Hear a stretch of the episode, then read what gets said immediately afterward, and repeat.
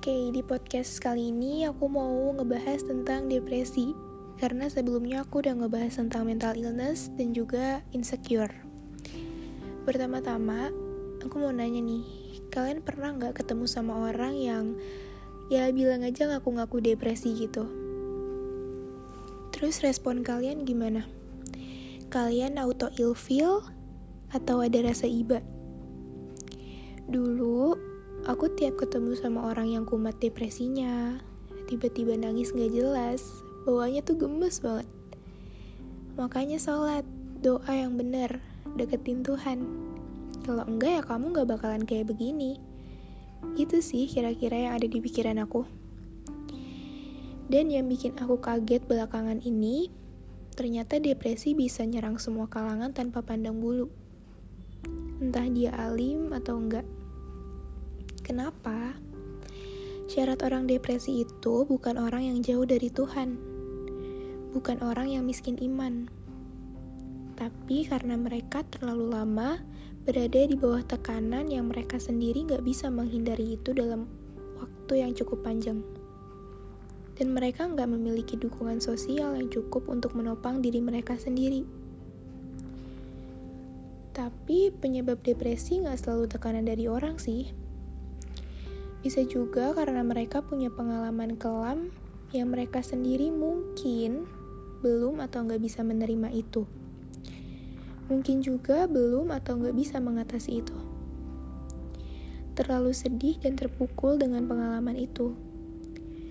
Dan kadang, meskipun udah cerita ke orang terdekat, sampai nangis sesegukan, luka itu ternyata udah bikin palung di dalam diri mereka sendiri tanpa mereka sadar. Mereka nggak sadar kalau luka itu menggerogoti kesehatan jiwa dan pikiran mereka. Yang paling bikin sedih, mereka suka mengira kalau mereka selama ini baik-baik aja dengan semua itu. Atau dengan bersikap bodoh amat, mereka anggap itu menyelesaikan semuanya. Padahal enggak. Um, atau mungkin juga karena dia sebenarnya udah pernah nyoba terbuka dengan teman terdekatnya, nyoba cari siapa yang bisa ngertiin dia, tapi dia nggak dapat itu. Dia diabaikan. Lemahnya dukungan sosial yang dia punya. Dia nggak mendapat cukup perhatian dan kasih sayang dari lingkungan dia. Ya akhirnya dia nggak punya siapa pun yang bisa menopang dia. Gak punya seseorang yang bisa sharing sama dia. Alhasil, dia simpen semuanya sendiri. Kan ada Tuhan ada Allah, bisa doa.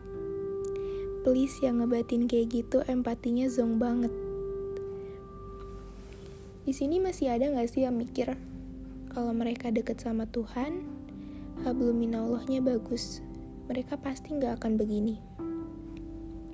Pindis, orang depresi itu penyebabnya tekanan tak terhindarkan. Kita, walaupun punya banyak masalah dan bisa berdoa, Allah pasti kasih kita seseorang untuk bantuin kita, menopang kita. Tapi masalahnya, apakah mereka punya seseorang? Belum tentu kan? Mereka bisa jadi belum punya penopang di hidup mereka. Bahkan mirisnya, kadang orang terdekat yang bikin mereka tertekan. Misal, kamu punya orang tua yang suka menekan nge-push terus. Padahal kamu anaknya. Sampai akhirnya kamu ngerasa, I'm never enough for them. Bertahun-tahun, belasan tahun, puluhan tahun, sampai akhirnya mikir, gue aja gak pernah cukup buat orang tua gue. Buat apa gue hidup? Sih? Atau orang terdekat aja gue gak punya. Gimana gue bisa percaya sama orang luar? Dan harus ingat juga, kondisi otak orang yang depresi sama orang yang normal itu berbeda. Mau dipaksa mikir kayak orang sehat juga gak akan bisa. Sel otak mereka itu udah banyak yang putus. Jadi, kalau keadaan otaknya aja gak normal, ya gak bisa dipaksa buat ngikutin keadaan atau pemikiran kita yang normal.